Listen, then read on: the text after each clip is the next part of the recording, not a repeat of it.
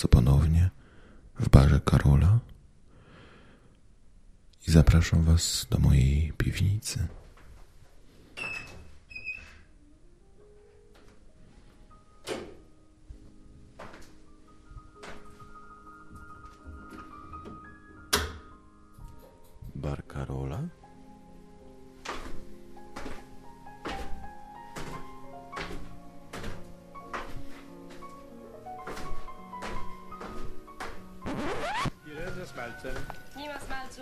Z dżemem są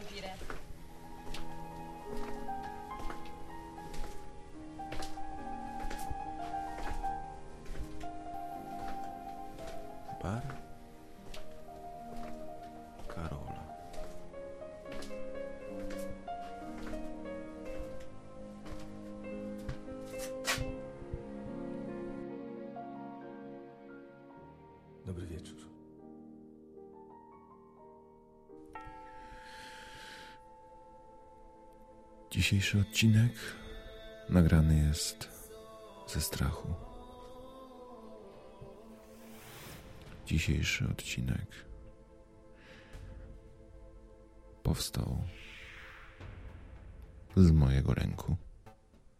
Miałem parę dni temu możliwość e, wzięcia udziału w spotkaniu z ludźmi, którzy mm, w ramach pomocy dla krajów rozwijających się wyjechali na czas jakiś do Chin. Rozmawiałem z nimi. E, wylądowali gdzieś w jakimś zapomnianym przez Boga i ludzi miejscu między stolicą a Tybetem. E, widziałem zdjęcia, które zrobili w tamtym rejonie naprawdę naprawdę są one bardzo różne od tego, e, co przyzwyczailiśmy się e, kojarzyć z Chinami, e, tygrysem, młodym, prężnym, rozwijającym się. Przypomina mi się tutaj widok prasłowiańskich osad w, w Polsce, skansenów, które można podziwiać i powiem Wam, że są one na wyższym poziomie. Jedyne co ratuje Chińczyków w tamtym rejonie to dość łagodny klimat, temperatury yy, rzędu 0 stopni raczej są rzadkością. Nawet w nocy temperatura nie spada poniżej 5 e, stopni Celsjusza. Ale jednak jest to dosyć dziwny widok, kiedy widzimy dom, zdjęcie zrobione e, w środku w domu i przez ściany widać to, co dzieje się na zewnątrz. Na środku palenisko, brak komina, dziura w dachu, jedno wielkie pomieszczenie dla ludzi i bydła, wszędzie wszechobecny, e, gryzący dym. Tak mieszkają przede wszystkim mniejszości – mniejszości, które w Chinach e, są niczym. Są obywatelami trzeciej kategorii. Dla nas, Europejczyków, jest to o tyle pozytywne, że my jako obcokrajowcy jesteśmy postrzegani tam jako coś bardzo szczególnego. Mamy e, specjalne, specjalny status. Co mnie jednak w tej historii uderzyło najbardziej, to to, jakie podejście mają Chińczycy do drugiego człowieka, jaką wartość przedstawia życie dla nich. Życie jednostki jest niczym. Nie ma tam mowy o sferze prywatnej, czego chyba najlepszym przykładem są toalety. Kiedy w jednym dużym pomieszczeniu znajduje się kilka dziur w ziemi, nie ma miejsca na prywatność. Gacie w dół, jechane. W ogóle dość dziwne obyczaje, nawet w miejscu publicznym, w restauracji, kiedy toaleta była zajęta. Dodam jeszcze damska toaleta. Panie czekające w korytarzu tak naprawdę nie czekały, kiedy będzie wolne, tylko po prostu załatwiały swoją potrzebę tam, gdzie akurat się dało. Ale w sumie nie chciałbym się tutaj skupiać na temacie toalet. Najbardziej uderzyło mnie podejście Chińczyków do dzieci.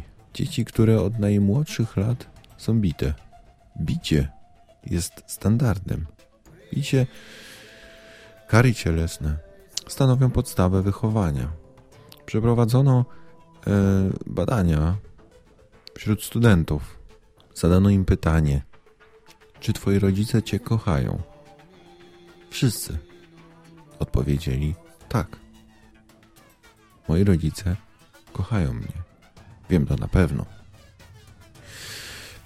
Pytanie drugie było, czy twoi rodzice powiedzieli ci kiedyś, że cię kochają? Wszyscy odpowiedzieli nie. Nigdy mi tego nie powiedzieli. Pytanie trzecie. Skąd w takim razie wiesz, że twoi rodzice cię kochają?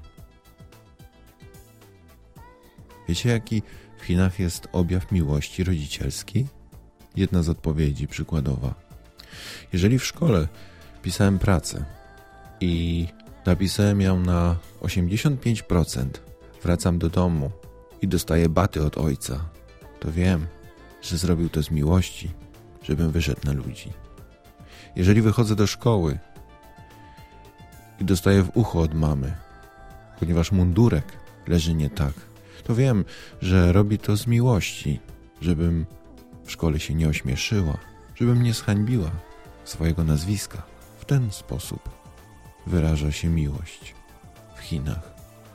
Zastanawiam się, jakie musi być społeczeństwo, jeżeli ludzie znają tylko przemoc, jeżeli nie ma tam miejsca na uczucia, na pozytywne uczucia, na miłość, na ciepło. Jak rozwijają się te dzieci? Jak to się dzieje, że wyrosną z nich ludzie? A może, a może to jest właśnie sekret, dlaczego Chiny są takie, jakie są? Dlaczego funkcjonują w tym dziwnym, poplątanym ustroju? Funkcjonują już od tysiącleci, bo całkiem normalnie chyba nigdy tam nie było, jeżeli przyjąć za normalność standardy, jakie znamy z naszego teraźniejszego świata. I tak się trochę martwię. Co będzie z tymi ludźmi? Co będzie z tym światem? Dokąd to wszystko zmierza? Zimno, chłód i strach. Czy społeczeństwo wyhodowane na takich odżywkach może być zdrowe? Może być normalne? Może być społeczeństwem, które da się łatwiej kontrolować, łatwiej pokierować? Może być, może wygrać. Ale jak długo? Jak daleko można zajść w ten sposób? Nie wiem naprawdę. Boję się tego. Unia Europejska, jaka jest, chyba każdy widzi. Wiele, wiele już na ten temat powiedziano.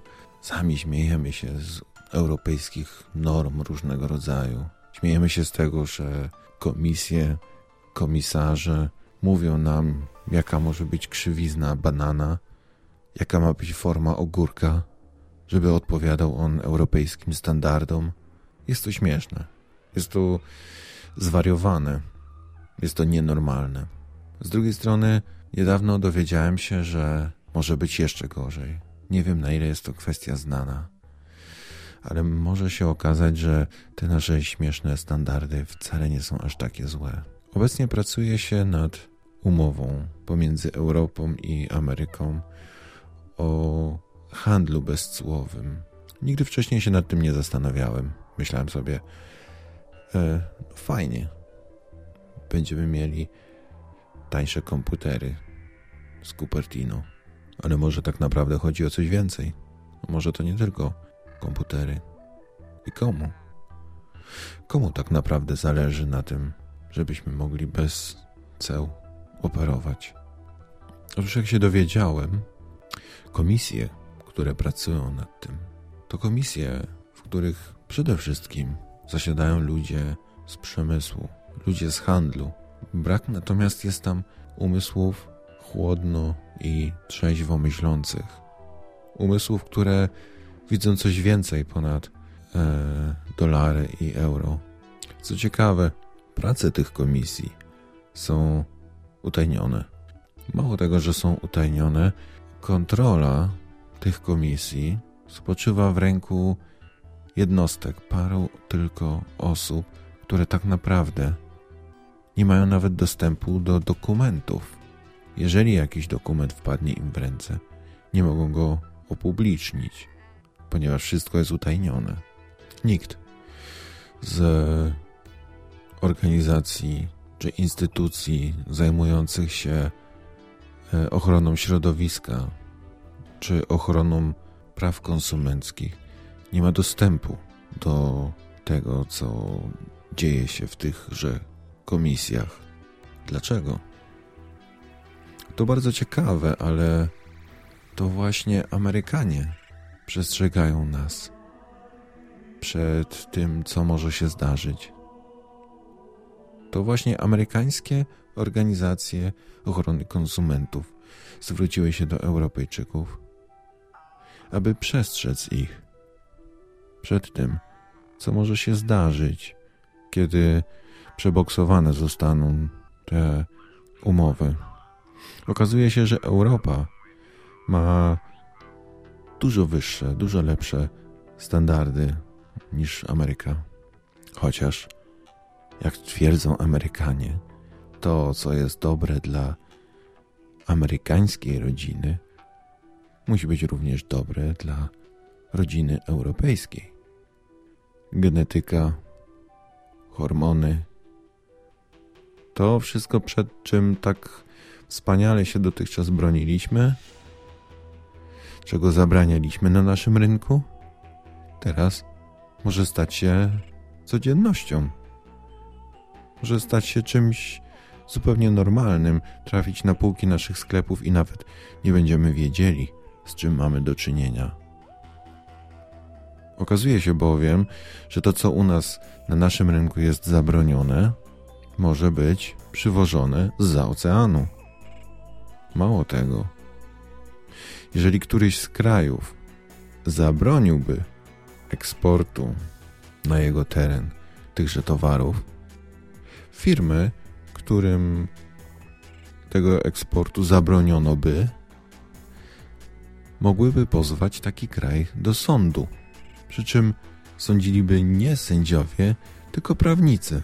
Prawnicy, firmy prawnicze e, wysłane e, z tychże krajów. Miałoby to funkcjonować w ten sposób, że Ameryka daje swojego prawnika, Europa daje swojego prawnika i znajdujemy jeszcze trzeciego prawnika neutralnego, który rozstrzyga spór. Przy następnym sporze wybieramy już innych prawników. Może więc się łatwo zdarzyć, że prawnik, który dzisiaj pracuje dla Europy, jutro będzie pracował dla Ameryki. Albo odwrotnie. Konflikt interesów zaprogramowany. Żywność przetwarzana genetycznie to jest na amerykańskim stole codzienność. Zwierzęta faszerowane hormonami. Nic nowego, ale nie u nas. Tylko jak długo jeszcze? Bardzo ciekawy dział stanowi hodowla drobiu w Ameryce. Otóż drób hodowany w Stanach Zjednoczonych e, nie ma tak dobrze jak drób europejski. Jest po prostu brudno. Standardy higieny są bardzo niskie, dlatego po uboju, nie wiem czy drób się ubija, po zamordowaniu kurczaków, trafiają one do kąpieli z chlorem. Czy chlor jest zdrowy? Mało. I takie wykąpane w chlorze kurczaki dopiero trafiają do sklepów. W ten sposób zabija się zarazki oraz wszelkie inne robactwo, które mogłoby zagnieździć się w mięsie. I coś takiego ma trafić na nasze stoły. Zastanawiamy się, na ile jest to realne. Czy naprawdę nie mamy możliwości y, obronić się przed tym? Okazuje się, że groźba jest rzeczywiście bardzo realna. Umowy bardzo podobnego typu funkcjonują już między Stanami Zjednoczonymi i Kanadą. jedna z amerykańskich firm postanowiła wydobywać gaz ziemny w Kanadzie. Metodą frackingową, czy jak ją tam zwał, czyli krótko mówiąc, pompując chemikalia do ziemi, które następnie mają wypłukiwać gaz yy, znajdujący się w skałach. Gminy znajdujące się na obszarze, gdzie miała yy, funkcjonować ta właśnie firma, przeciwstawiły się temu. Po prostu, krótko mówiąc, mieszkańcy obawiali się skutków ubocznych i powiedzieli nie, nie chcemy tutaj tego wydobycia. Nie chcemy, żeby pompowano nam do gleby jakieś świństwo. I wiecie co? I ta właśnie firma pozwała Kanadę i wygrała proces na setki tysięcy dolarów. I teraz powiedzcie mi, kto za to zapłaci. No i panie, i kto za to płaci? Pan płaci, pani płaci, my płacimy. To są nasze pieniądze, proszę pana. Społeczeństwo. Społeczeństwo, proszę pana. Dokładnie tak. Ja zapłacę, wy zapłacicie. To są pieniądze, które ewentualnie w przypadku wypadku pójdą z naszej kieszeni. A wszystko po to, żeby ktoś gdzieś zrobił na tym grubą kasę. I wszystko, jak to często bywa, odbywa się za naszymi plecami. Gdzieś za grubymi, solidnymi drzwiami w ciemnych gabinetach, gdzie wstrętni i obleśni panowie decydują o naszej przyszłości. I tego właśnie się boję. Boję się, że coraz bardziej tracimy kontrolę nad tym, co dzieje się z nami. Tracimy kontrolę nad dniem codziennym, nad naszym otoczeniem, nad tym, co jemy, jak mieszkamy, co wdychamy i czym to wszystko popijamy. I boję się, że zmierza to wszystko w złym kierunku. I kiedy o tym słucham, to ogarnia mnie strach, co też czeka nas i co, jaką przyszłość zgotujemy naszym dzieciom. I z tego strachu właśnie nagrywam ten podcast. Życzę Wam dobrej nocy.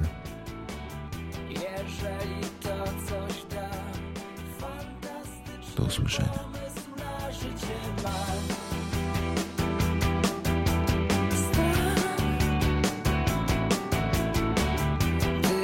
pomysł